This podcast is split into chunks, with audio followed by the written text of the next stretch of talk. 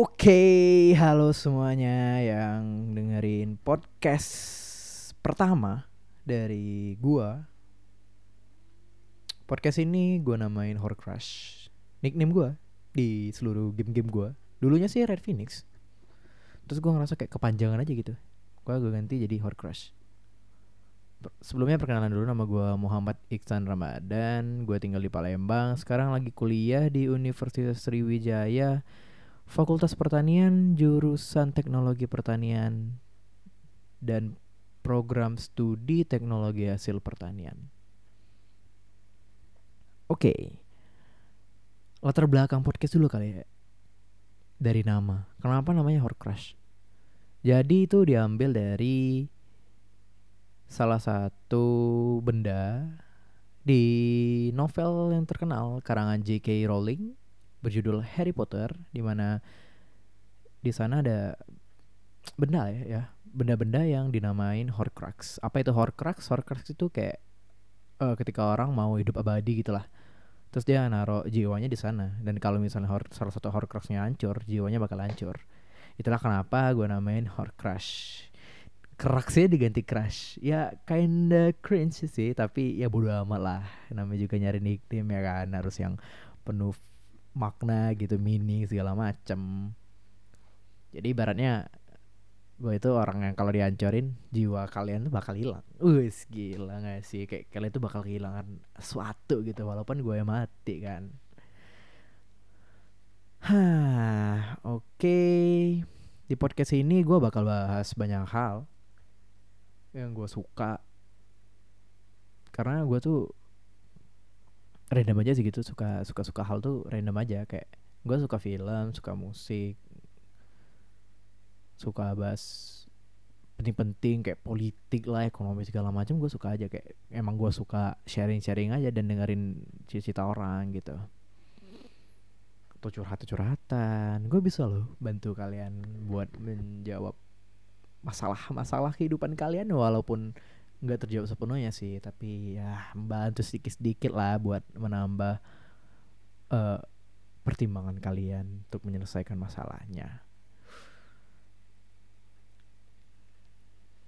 Nah, hari ini di episode pertama pilot episodenya ya, gue mau bahas tentang finansial. Ntar lagi gue matiin aja. ya. Kenapa gue mau bahas tentang finansial? Ekonomi adalah hal-hal maksud gue ekonomi itu adalah hal yang paling salah satu lah kali ya. Hal yang sangat terpengaruh oleh pandemi di tahun ini. Jangankan untuk berkembang berjalan saja ekonomi itu udah ah my god my lord. Gak bisa coy. Lu bayangin deh. Ekonomi gak berjalan.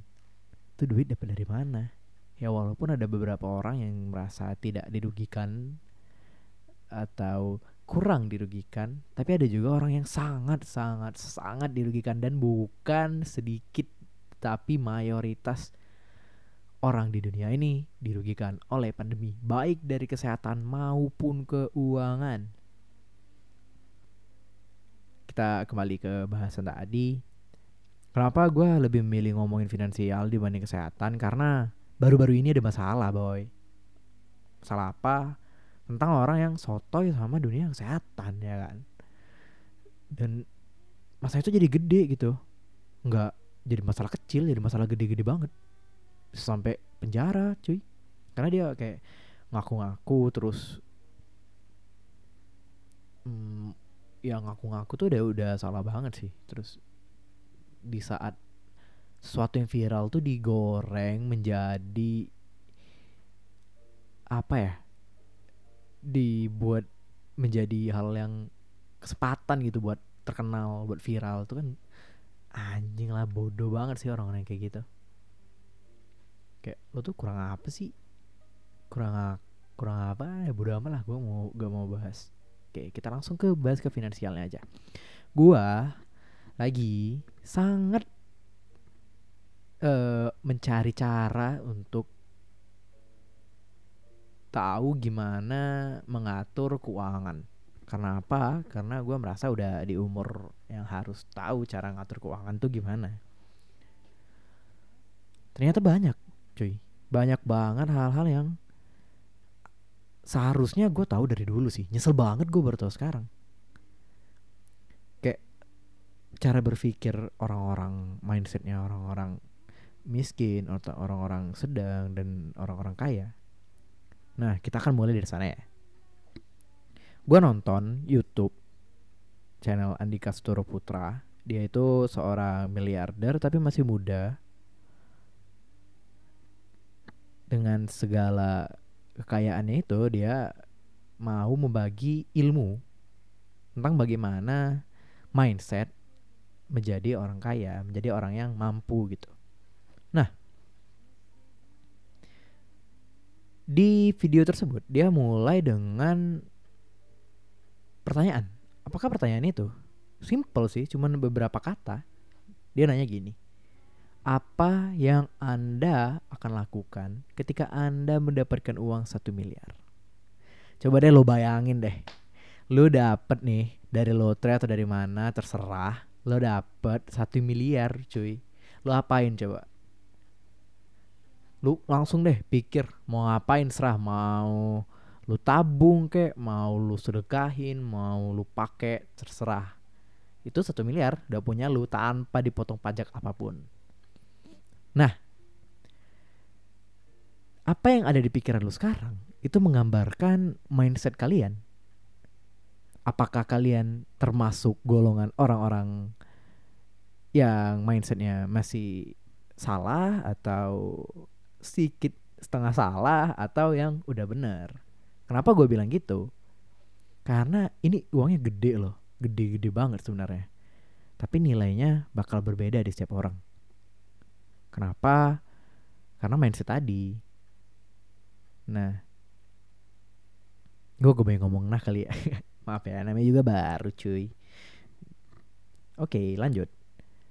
Jadi jawaban yang diberikan oleh Bro Putra adalah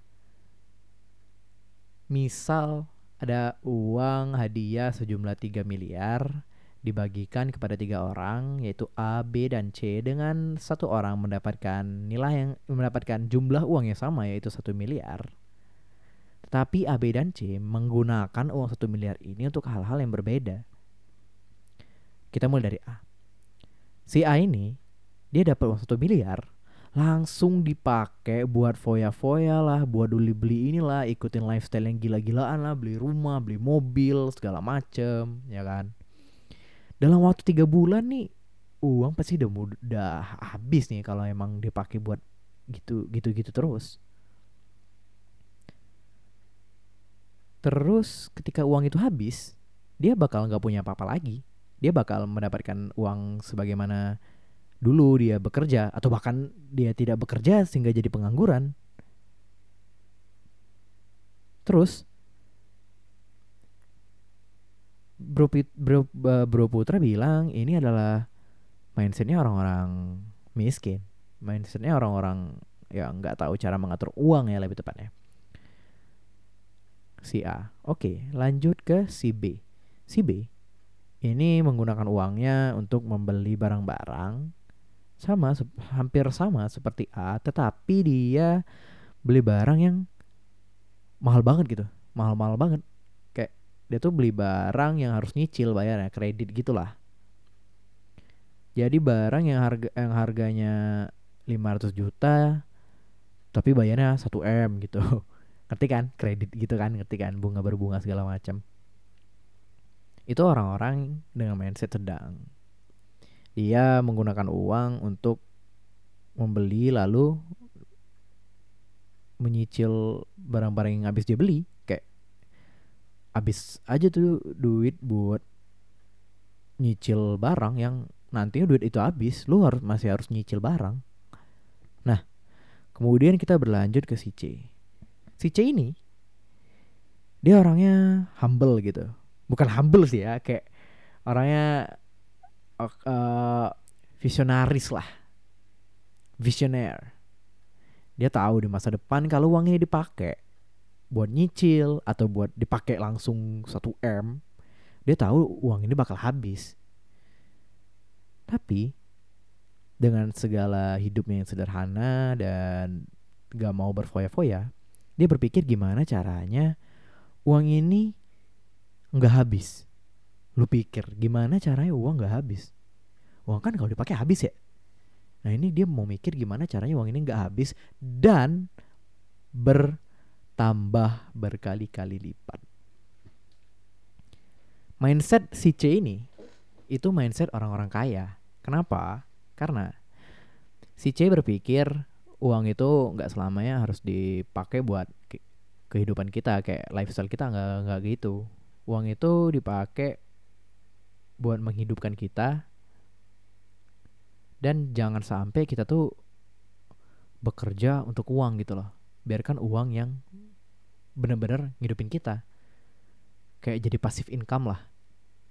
Nah dari sana si C membangun sebuah bisnis anggap bisnis eh, mobil kemahalan kali ya bisnis eh, apalah clothing lah kali clothing dia ba- bangun bisnis clothing dia beli toko segala macem beli properti beli rumah terus rumah itu disewain oleh dia. Nah anggap harga rumah 200 juta terus disewain seharga 3 juta lah sebulan.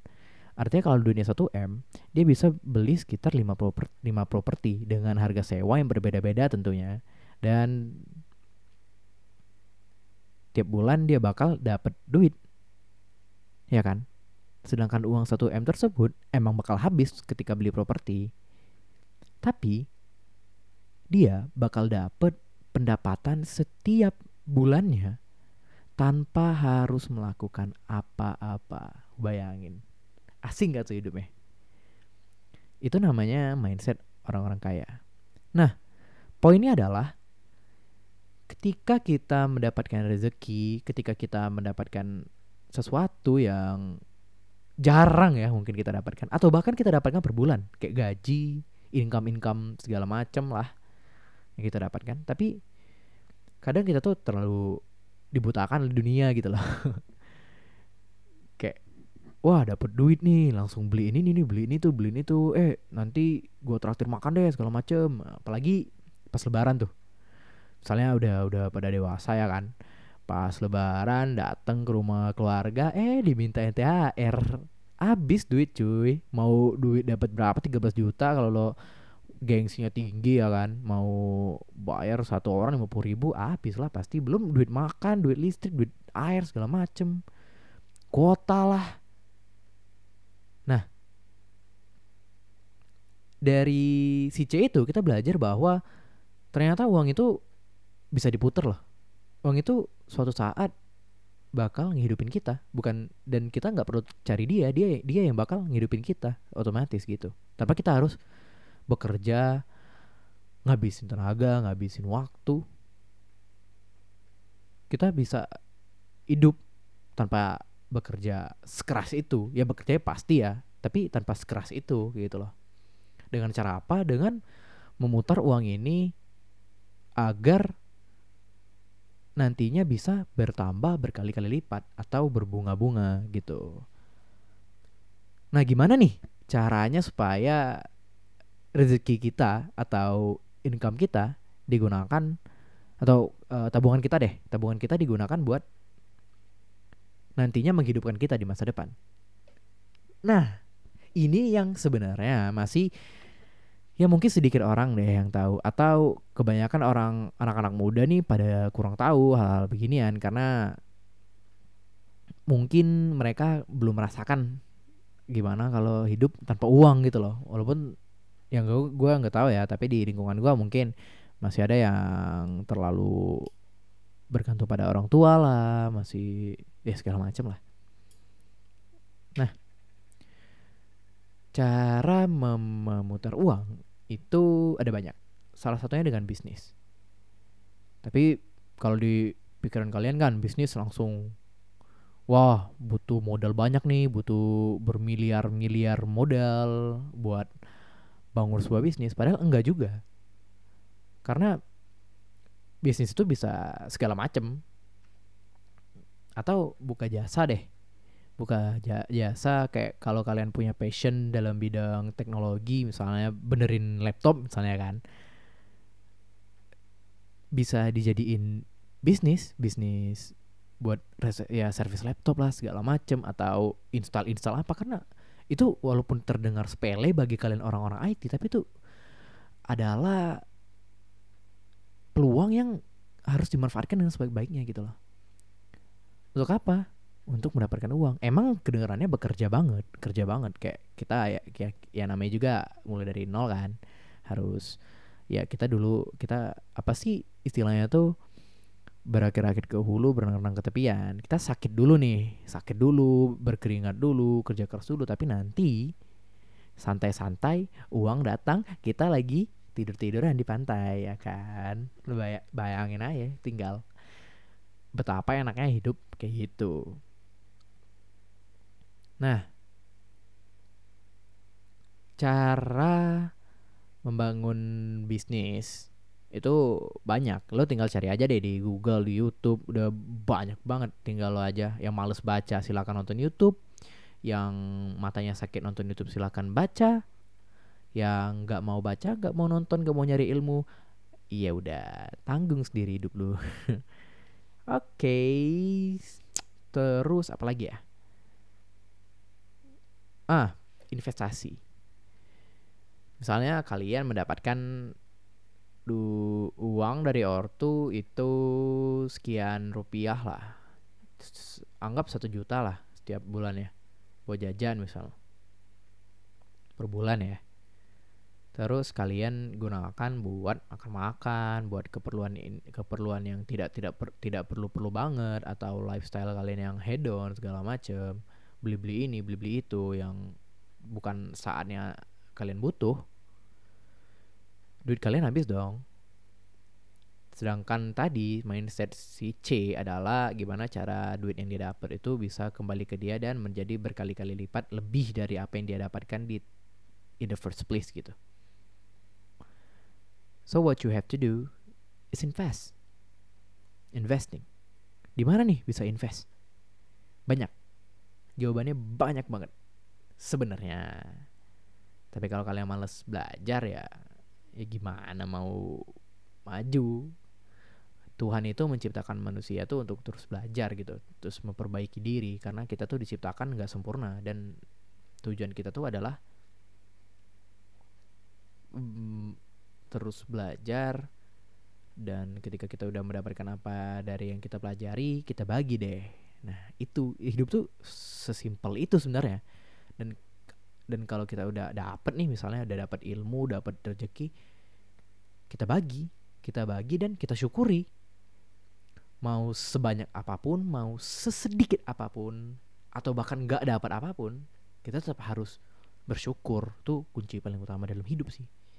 Karena banyak orang yang udah dapat segalanya masih nggak ngerasa cukup. Karena apa? Karena dia nggak bersyukur gitu loh ya itu trivia saja oke lanjut lagi tentang investasi kita bahas investasi yang pertama adalah investasi yang mungkin banyak kalian yang udah pada tahu. Apa uh, investasi apa?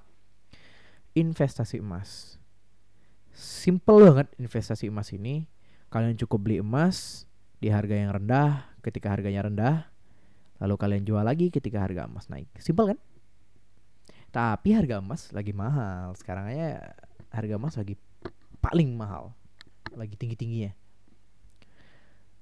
Buat kalian yang ngerasa ah gue nggak bisa nih. Tiap bulan beli emas gitu. Susah. Gue nggak ada duitnya. Ntar gue beli emas nggak beli makan. Ya percuma kan? Masa emas juga nggak bisa dimakan ya kan? Gue juga butuh uang buat keperluan kuliah segala macem. Simple banyak option lain buat investasi option lain itu ada reksadana apa itu reksadana reksadana adalah tempat di mana kalian menitipkan uang kalian dengan jumlah tertentu kepada orang yang udah ahli dalam manajemen uang. Bukan hanya manajemen uang ya. Orang ini bakal melipat gandakan uang, bukan kayak tapi bukan kayak yang ambil uang terus dimasukin ke baju jadi banyak gitu, bukan bukan dukun-dukun begituan, cuy. tapi emang lu nitipin nih nitipin duit lu ke dia berapa kayak misalnya lu dapet satu juta per bulan artinya lu nitipin dua ribu deh. Lu kasih ke dia terus dia bakal ngelola duit lu. Entah itu ditaruhnya di bisnis kah atau ditaruhnya di mana kah di operasi atau apa yang jelas ketika lo ketika beberapa waktu duit itu bakal bertambah kayak ya bakal bertambah. Tapi nggak cepet ya pasti waktunya butuh berbulan-bulan bahkan bertahun-tahun. Yang butuh yang penting tuh konsistensi dalam melakukan investasi. Nah investasi reksadana ini bisa berbagai macam salah satunya reksadana saham di mana nanti duit lu tuh di uh, dikasih dititipin ke orang ter orang itu naro di mana perusahaan yang worth it buat lo invest gitu buat lo taruh duit lo ntar kalau mereka udah kalau si perusahaan ini udah dapet keuntungan keuntungannya bakal balik ke lo gitu. Dan duit tadi yang lo titipin ke dia di saat dia ngejual saat kita nih yang udah menjadi pemilik saham ngejual lagi saham tadi melalui pihak reksadana uang dari hasil jual tersebut bakal balik ke kita. Nah, tadi gue sempat menyinggung soal saham kan. Kita bahas aja tentang investasi selanjutnya, yaitu investasi saham. Investasi saham mungkin terdengar sangat uh, tabu sekali ya. Gak tabu sih, kayak sulit gitu dengarnya saham. Wow udah ada udah kayak wih pasti udah pasti uang itu gede gitu segala macam. Padahal padahal enggak loh. Enggak loh sumpah. Enggak segede yang lo pikirin. Bagi orang-orang yang belum tahu. Bagi orang-orang yang tahu yang oh ya emang emang gitu gitu kan.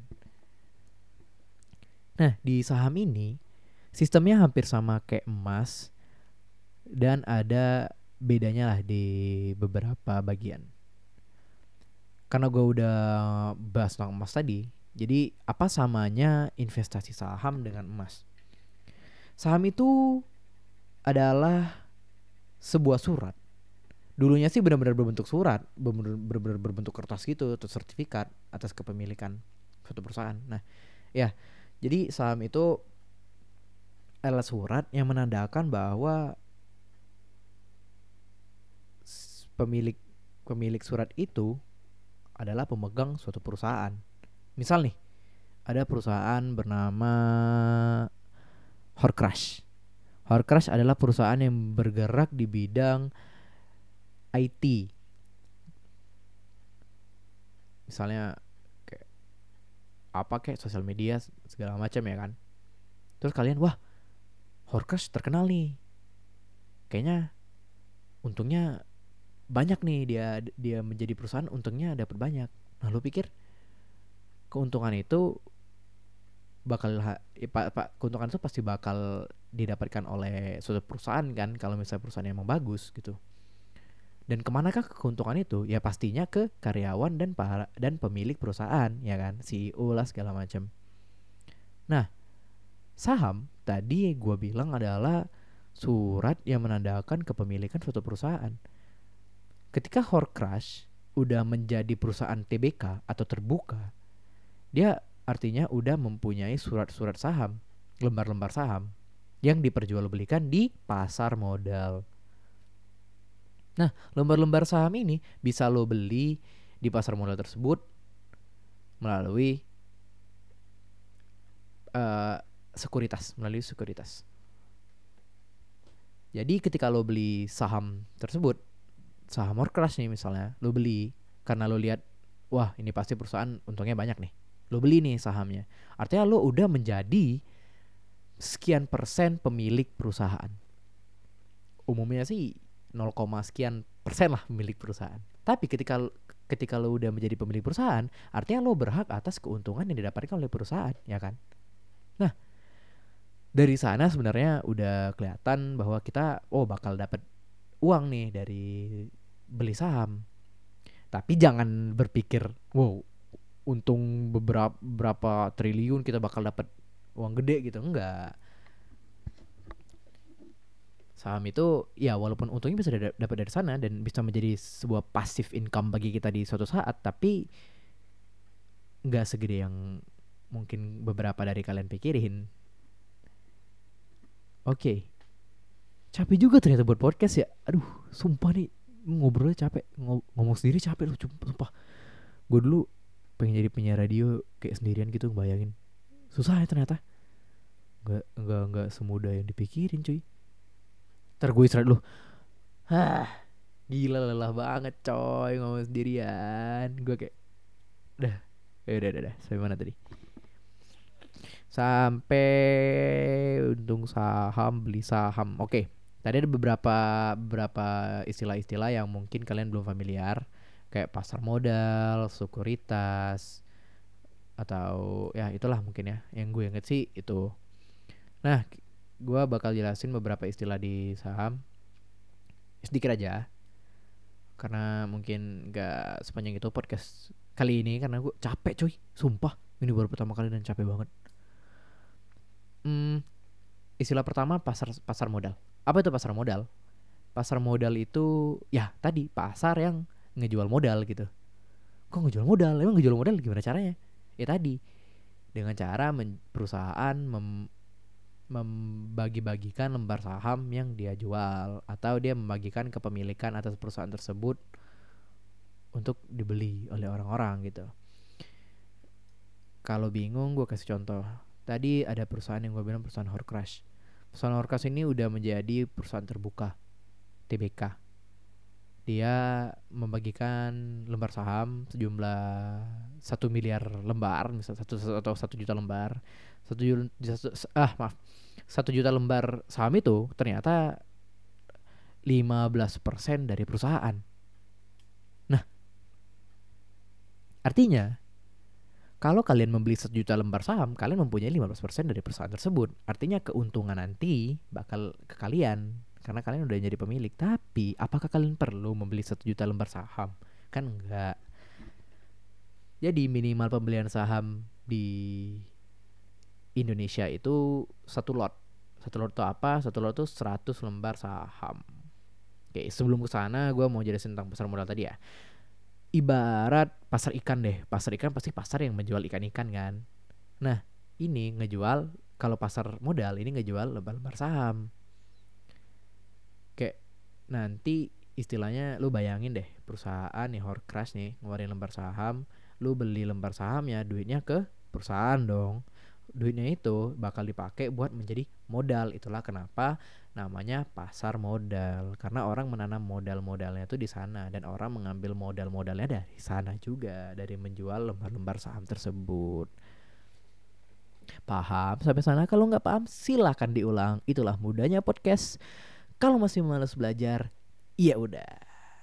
Nanti rasain sendiri ketika kalian udah melihat teman-teman kalian menikmati hidup sedangkan kalian baru mau belajar. Walaupun tidak ada kata terlambat buat belajar, tapi apa salahnya memulai dari sekarang daripada kalian tertidur ya kan? Maksudnya bukan tertidur daripada kalian nyenting-nyenting, gak ada kerjaan di rumah rebahan doang gitu. Walaupun rebahan tuh enak kan. Rebahan tuh wah, gue bisa rebahan seharian penuh, cuy. Sumpah. Bangun-bangun, nggak bisa berdiri lagi, lupa cara berdiri. Oke, kembali lagi ke masalah saham. Berat banget ya, sumpah. Kepala gue pusing pas berat-berat gini. Nah, di pasar modal tadi, kalian kan ngasih modal tuh, perusahaan ngambil modal. Tapi kalian jadi pemilik perusahaan dong. Karena kak, karena minimal pembelian saham di Indonesia itu satu lot, Artinya kalian mempunyai 100 lembar saham kalau kalian beli satu lot saham. Artinya kalian punya 100 lembar saham. Itu 0, berapa sekian persen dah mungkin dari suatu perusahaan tersebut. Nah, misal nih di tahun 2019 kalian beli saham dari perusahaan Horcrux tadi. Terus di tahun 2018 si Horcrux ini kan pasti udah mendapatkan keuntungannya nih kan. Kalau perusahaannya bagus, karena ada perusahaan yang nggak dapat untung loh, bahkan rugi, rugi banget. Ruginya tuh kehilangan benar-benar kehilangan uang karena mereka tuh harus bayar pajak lah, harus bayar ya karyawan segala macam kan harus dibayar ya kan. harus bayar utang lah utang tuh yang paling berpengaruh ke perusahaan mana yang harus kita pilih nanti misalnya Horkas ada perusahaan yang bagus dan mempunyai untung yang gede. Di tahun 2018 anggap Horkas mendapatkan satu triliun. Untung untung satu triliun. Bayangin untung satu, satu triliun tuh untung tuh untung bersih tuh. Untungnya itu keuntungan itu bakal diberikan ke yang tadi gue bilang ke karyawan ke uh, maksudnya tuh keuntungan itu bakal didapatkan oleh pemilik perusahaan kan? Nah tadi orang yang membeli saham adalah orang yang membeli kepemilikan perusahaan. Artinya orang tersebut berhak mendapatkan keuntungan dari perusahaan tersebut. Walaupun tidak setiap tahun atau setiap bulan perusahaan tersebut harus memberikan keuntungannya kepada pemilik saham gitu. Karena ya pasti ada keperluan lain yang lebih kadang lebih diutamakan gitu.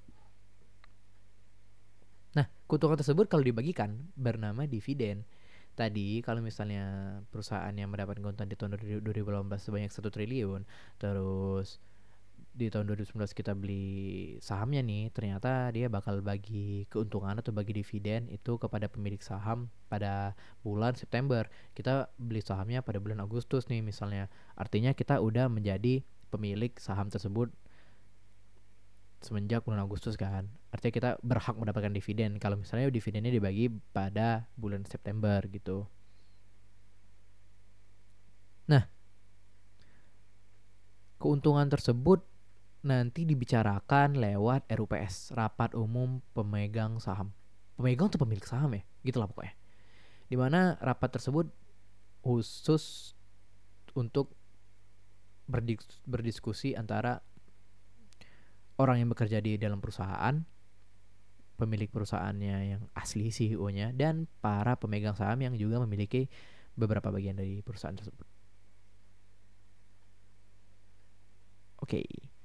Setelah itu, setelah RUPS di sana bakal banyak ngomong ini, misalnya berapa keuntungan yang bakal dibagiin kepada pemilik saham. Tadi gue bilang keuntungan tuh nggak segede yang kalian pikir. Karena keuntungan satu lembar saham itu kalau misalnya perusahaan tersebut membagikan keuntungan Horcrux ini membagikan keuntungannya kepada pemilik saham bisa misalnya satu lembar itu harga di hanya dihargai diberi di dap, berhak mendapatkan keuntungan 300 rupiah misalnya. Dia itu udah gede loh udah gede sumpah.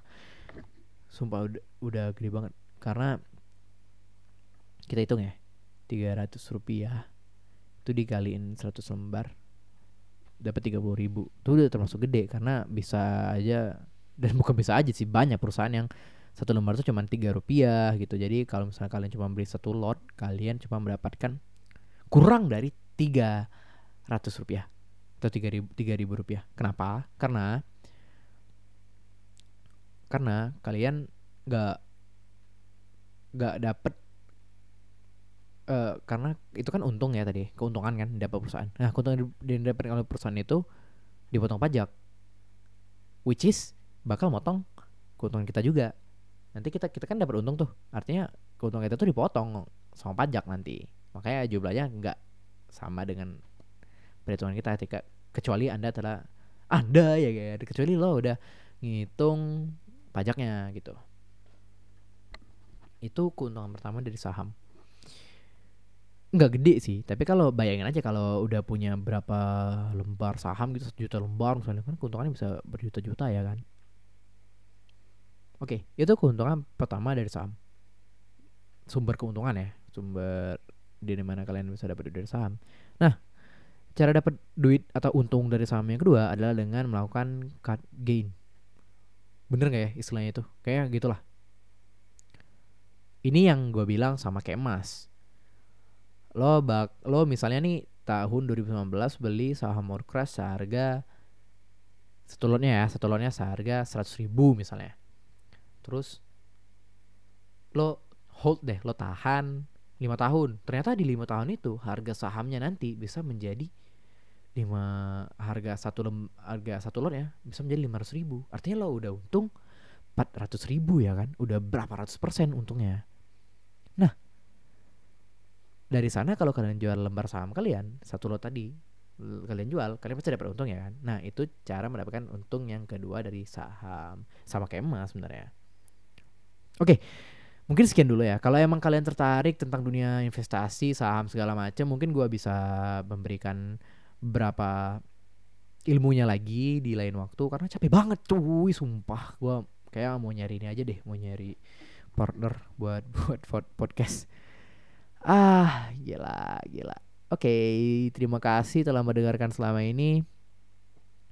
Bukan selama ini kayak kayak udah mau pisah lu terima kasih udah mendengarkan podcastnya sampai di sini Sekian dulu dari gua and goodbye.